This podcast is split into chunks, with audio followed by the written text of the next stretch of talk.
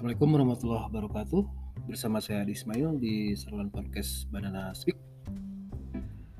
Untuk kesempatan kali ini, uh, saya akan membahas topik tentang genome editing dan aplikasinya di bidang pemulihan tanaman. Uh, special thanks to Dr. Uh, Farida Damayanti. Terima kasih Bu atas sharing materinya. Barangkali uh, ke depannya kita rancang uh, wawancara saya akan mewawancari ibu kaitan dengan konsep-konsep genome editing sehingga lebih dalam lagi nanti pemahaman uh, tentang genome editing ini. Baik uh, pada kesempatan uh, kali ini saya bagi dua termin. Jadi termin yang pertama uh, yang akan saya bahas adalah kaitannya dengan uh, basic uh, genomic tentang struktur gen dan fungsinya. Kemudian uh, yang kedua tentang overview of uh, genome editing kaitan dengan histori, tujuan, tipe dari teknik-teknik uh, genome editing. Dan nanti di termin atau uh, bagian kedua akan dibahas kaitannya dengan teknik-teknik uh, di genome editing.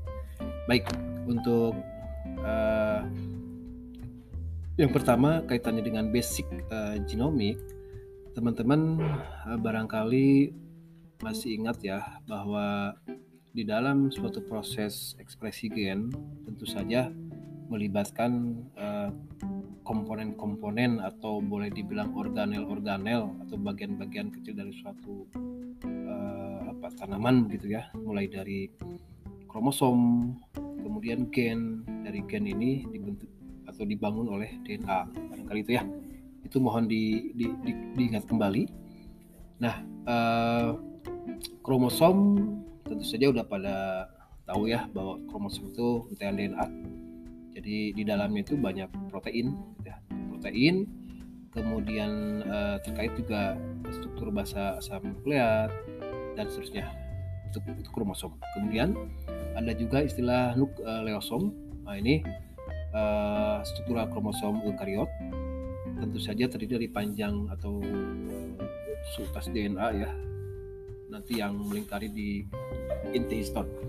Kemudian ada histon nah ini histon juga nanti berasosiasi dengan DNA di dalam uh, nukleus yang akan nanti membentuk sebuah kromatin ya. Ada juga nukleotida ini juga salah satu uh, blok pembangun DNA, kemudian ada juga RNA.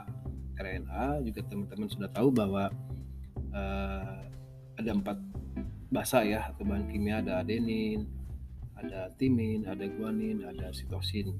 Ditambah nanti satu molekul gula dan satu atom fosfat. Tapi di RNA ini nanti uh, ada urasil seperti itu ya. Silakan nanti konsep-konsep uh, tentang uh, basic genom itu mohon di, di dipelajari kembali barangkali itu ya. Uh, nah kaitannya dengan tadi ya kromosom kemudian gen DNA itu kan uh, proses sebenarnya proses ekspresi gen gitu ya proses uh, proses ekspresi sebuah gen. Nah di mana uh, sebelum ke proses ekspresi sebuah gen di sini kita harus mengetahui bahwa uh, atau kaitannya tentang struktur gen dan fungsinya. Nah ini teman-teman juga udah pada uh, tahu ya di apa di proses ekspresi gen itu komponen-komponen apa saja sih yang membentuk sebuah apa struktur gen tersebut atau fungsi gen tersebut. Nah di sini uh, ada istilahnya uh, promotor atau promoter region. Nah di dalam promotor itu nanti ada introns, kemudian ada exon, intron, masih ingat ya, non coding sequence, kemudian ada exon juga itu coding yang berupa coding uh, sequence-nya.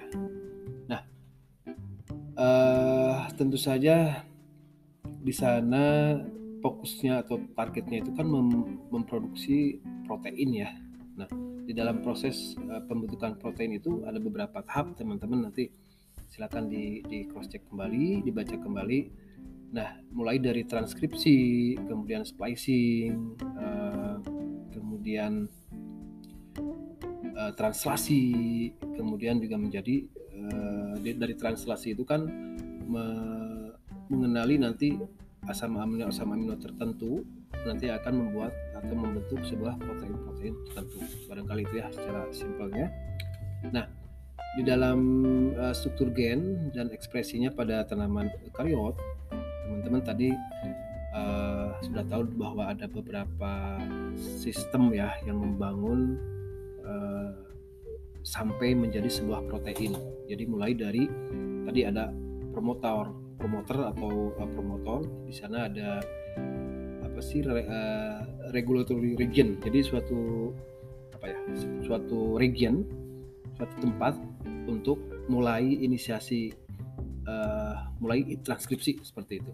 Nah, nanti di dalam uh, proses uh, inisiasi trans transkripsi itu ada coding region. Nah, di sana ada intron dan ada exon seperti itu. Itu proses uh, transkripsi ya. Nanti di dalam trans transkripsi seperti biasa prosesnya teman-teman silakan dicek kembali dan seterusnya nanti sampai uh, proses translasi sehingga uh, diperolehlah sebuah apa ya, susunan asam amino asam amino tertentu untuk uh, memproduksi atau untuk membentuk protein-protein tertentu dari sebuah proses ekspresi gen tersebut. Barangkali itu ya. Nah kita lihat uh, tadi sudah disebutkan sedikit. Sekarang tipe-tipe uh, dari sequence DNA di dalam genom itu ada empat. Jadi yang pertama tadi promotor atau promoter jadi di sini uh, untuk uh, on off uh, suatu proses transkripsi dimulai.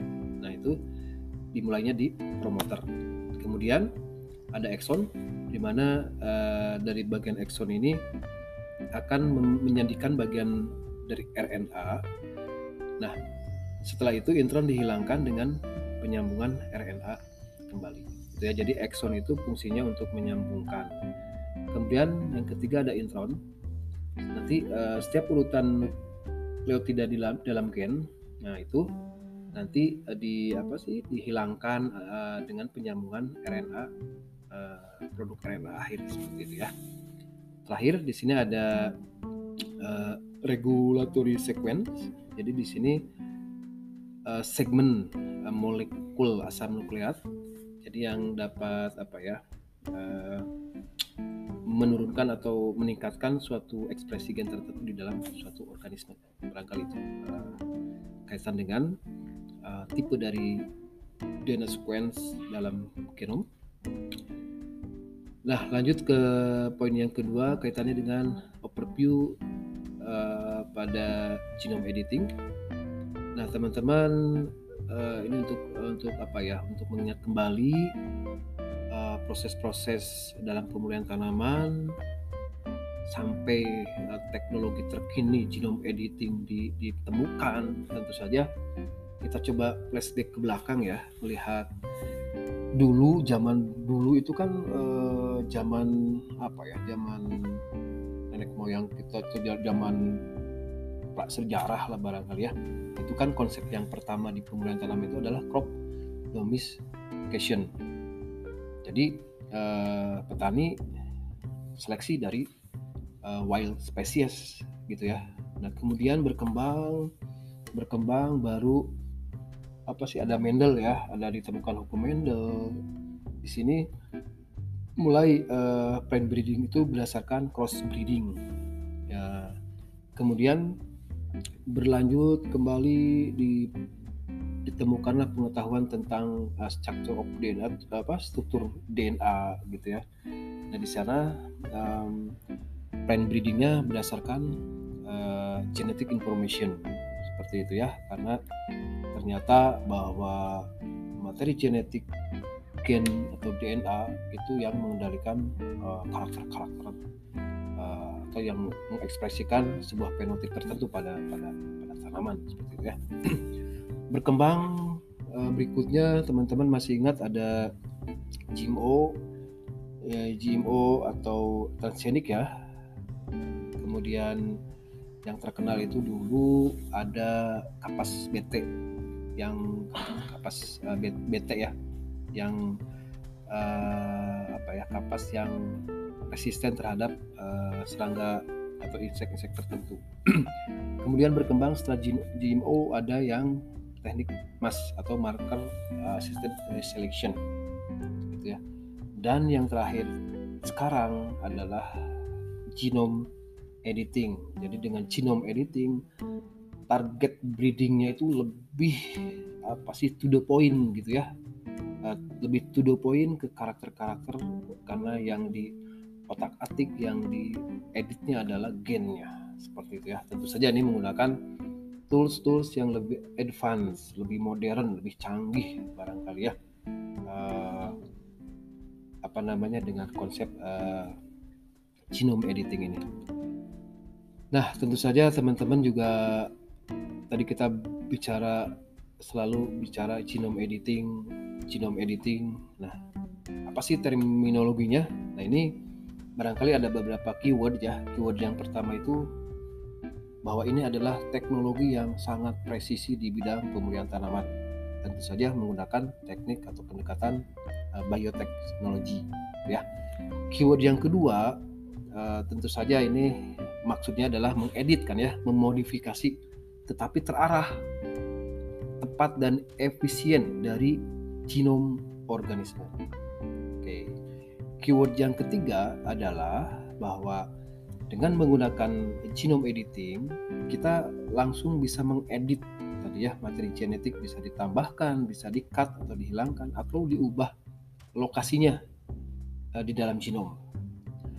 Keyword uh, yang terakhir bahwa tentu saja pengeditan genom tersebut tujuan akhirnya adalah untuk mengkarakterisasi fungsi dari sebuah gen yang tentu saja hasil akhirnya adalah meningkatkan kualitas kualitas karakter pada bidang uh, apa sih pada tanaman gitu ya.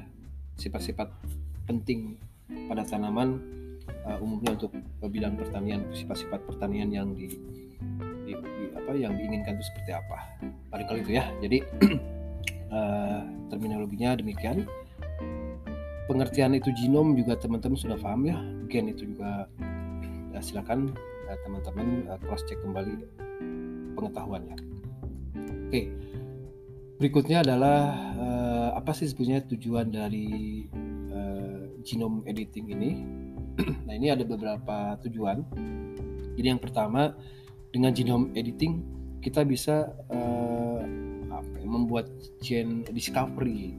Kemudian juga bisa mempelajari functional genomic atau mempelajari fungsi gen itu yang pertama. Yang kedua tentu saja ini yang sangat di, di apa diutamakan atau yang diinginkan oleh seorang breeder terkait dengan trait improvement. Jadi perbaikan karakter tentu saja itu tujuan akhir ya. Jadi artinya dengan genome editing bisa meng uh, on off atau replacement uh, specific target trait gitu ya. Wah ini canggih ya. Jadi kalau dengan persilangan teman-teman itu gambling juga ya tapi dengan ini langsung target gennya bisa di on off untuk meningkatkan sifat target tertentu yang ketiga tujuannya adalah um, teknologi rekayasa genom ini juga dapat digunakan untuk mentargetkan genom uh, virus secara langsung.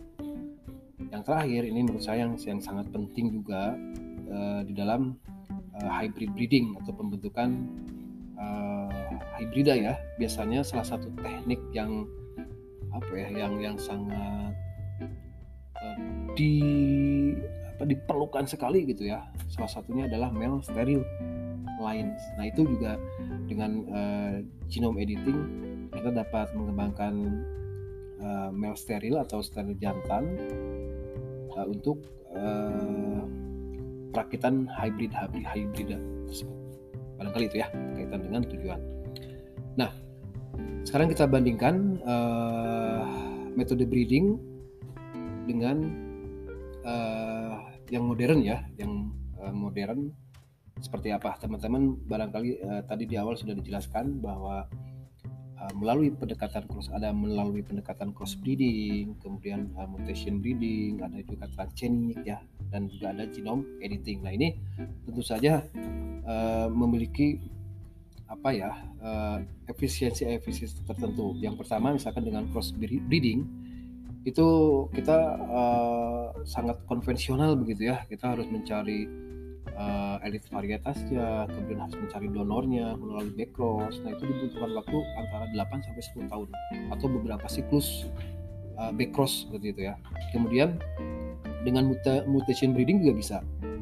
Jadi 8 sampai 10 tahun. Kita kita uh, mengaplikasikan misalkan dengan chemical uh, mutation atau radiation itu kan uh, gambling ya dengan ya, dengan mutasi itu ya Nah, bisa dibayangkan 8 sampai 10 tahun.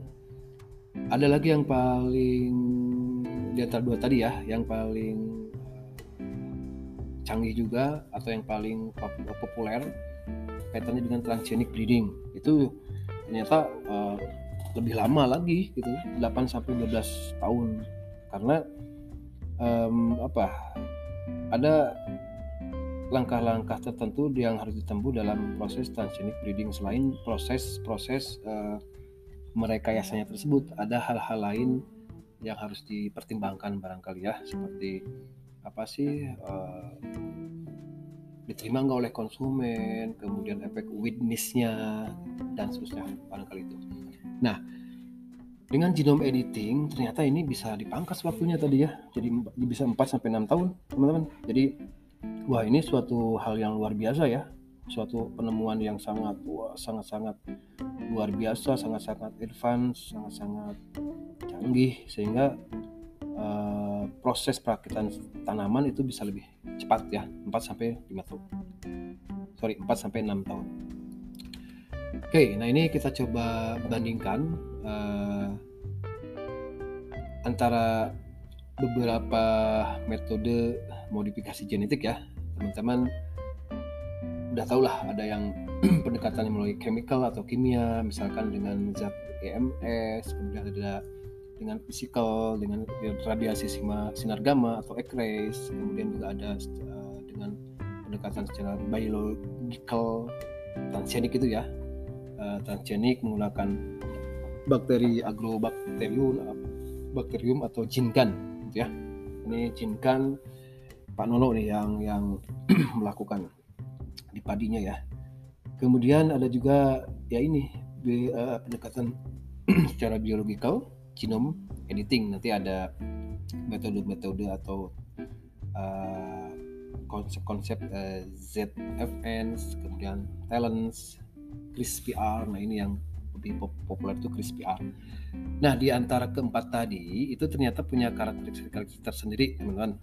Jadi yang pertama tadi uh, chemical dengan MS itu proses uh, genetic conversionnya itu melalui substitusi atau delesi dari lengan-lengan kromosom tersebut.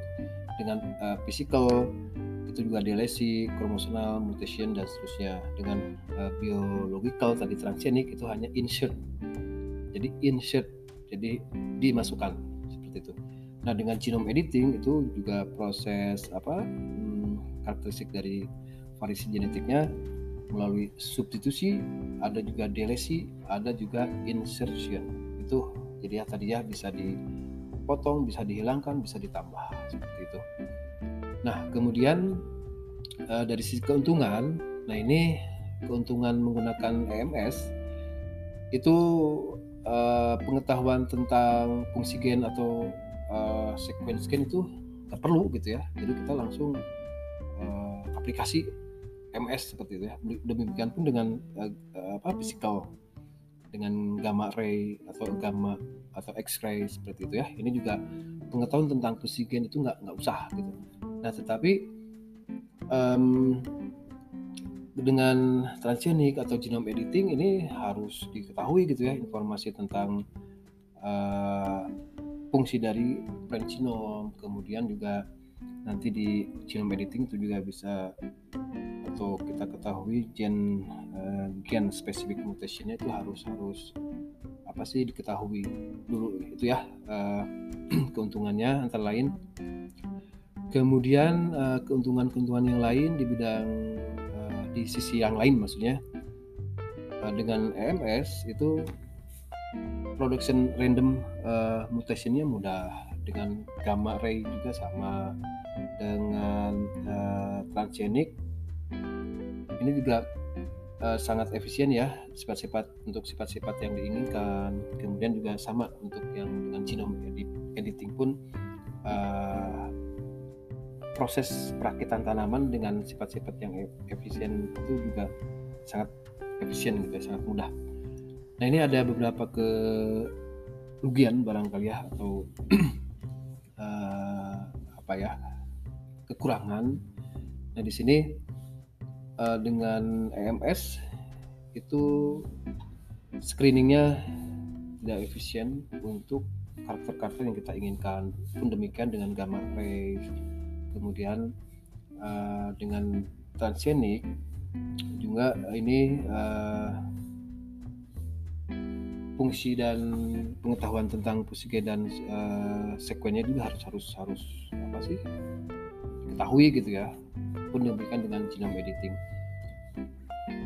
Kekurangan yang lain di, dengan menggunakan EMS ini juga non specific mutation jadi gambling ya dengan gamma rays juga demikian jadi uh, gambling uh, kita nggak bisa apa ya spesifik gitu ya. Nah dengan uh, transgenic ini uh, merupakan prasyarat untuk transport genetik yang efisien.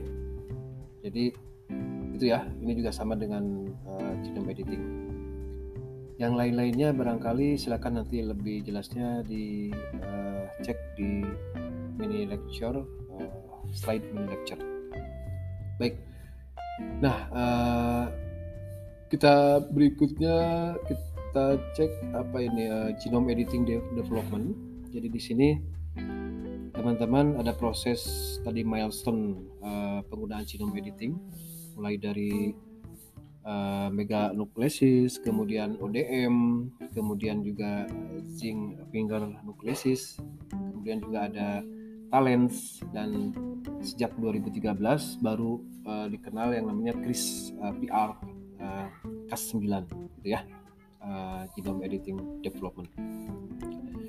Nah, uh, kaitan dengan uh, apa itu yang keempat tadi gitu ya uh, kita bandingkan uh, genome editing uh, teknik itu seperti apa nah mulai dari apa namanya desainnya mulai dari engineering visibility-nya mulai dari efisiensinya cost dan seterusnya. Sehingga di sini nanti masing-masing uh, metode itu juga memiliki kelebihan kekurangan gitu ya. Silakan bisa dicek nanti uh, sumbernya di kan lebih jelasnya. Nah berikutnya kaitan dengan uh, genome editing, tentu saja uh, proses perkembangan ilmu pengetahuan uh, me, apa ya melalui atau melam, melewati sebuah proses pro dan kontra seperti itu ya. Di mana yang pro-nya itu jelas di sini lebih pre lebih presisi, kemudian lebih efisien, kemudian juga yang paling penting dengan genome editing ini mempercepat proses plant breeding tadi ya bisa 4 sampai 6 tahun wes biasanya sampai 12 tahun, 10 tahun, 8 tahun ini bisa lebih uh, mempercepat prosesnya. Kemudian juga yang paling penting adalah bisa uh, diaplikasikan untuk multiple trait gitu ya. Jadi multiple gen, multiple uh, trait kuantitatif uh, gen editing itu bisa diterapkan di sini seperti itu ya. Kemudian juga bisa uh, mengetahui atau kita bisa studi tentang epigenetik dan non coding non coding RNA seperti itu. Yang kontranya juga ada kaitan dengan etikal kemudian uh, safety isu barangkali uh, apa namanya dulu uh, transgenik itu ada isu bahwa tidak sehat, alergenitas dan seterusnya. Kemudian juga uh, sangat terbatas di apa di pasar gitu ya produk-produk uh, genome editing ini. Kemudian juga beberapa pertimbangan diperlukan skill uh, yang apa yang yang advance gitu ya uh, untuk bidang molecular breeding dan plant bioteknologi dan juga ini tentu saja teman-teman tahu bahwa uh, toolsnya itu sangat mahal sehingga juga itu menjadi kontraknya ya. Tapi ini suatu, suatu keilmuan saya pikir uh, ini harus kita usahakan uh, kita umpan harus harus punya mestinya ya. Oke. Okay. nah uh, beberapa informasi terkait dengan uh, current status genome editing di beberapa negara. Di sini ada ada tiga kriteria teman-teman. Ada bahwa si genome editing ini sudah uh, diregulasi tapi regulasinya bukan GMO bukan uh, genetic uh, modified organism. Jadi seperti hasil hasil rekayasa rekayasa tanaman seperti biasa. Yang kedua klasifikasinya negara-negara tersebut masih dalam proses diskusi dan uh, diskusi seperti itu ya. Dan yang ketiga juga uh, beberapa negara menerapkan sebagai uh, hasil dari GMO. Jadi uh, banyak kalah di sini bisa dilihat lah nanti teman-teman ya yang sudah uh, menerapkan bahwa ini bukan GMO, ada Kanada, Brazil, Amerika tentu saja, Argentina, Chili dan seterusnya. Nah kita Indonesia itu masih dalam tahap discussion, masih dalam masih dalam pembahasan seperti itu ya. Beberapa negara selain Indonesia tadi ya Filipina, India, Bangladesh, Nigeria, Paraguay dan seterusnya. Nah, yang uh, satu negara yang men, apa, menempatkan bahwa genome editing ini adalah sebagai GMO itu New Zealand. Jadi barangkali kalau sebagai GMO itu kasusnya seperti dengan tanaman yang transgenik. Itu barangkali teman-teman uh, yang bisa saya terangkan, yang bisa saya jelaskan kurang lebihnya. Uh, nanti kita ketemu di termin yang kedua berkaitan dengan Chris PR teknologi. Untuk kesempatan kali ini saya tutup. Uh, terima kasih atas perhatiannya, atas uh, mendengarkan konsep-konsep atau penjelasan tentang genome editing. Barangkali ke depannya nanti ada ada tambahan-tambahan dari ahlinya ya dari Ibu Dr. Uh, Dr. Farida Damayanti. Baik, terima kasih. Assalamualaikum warahmatullahi wabarakatuh.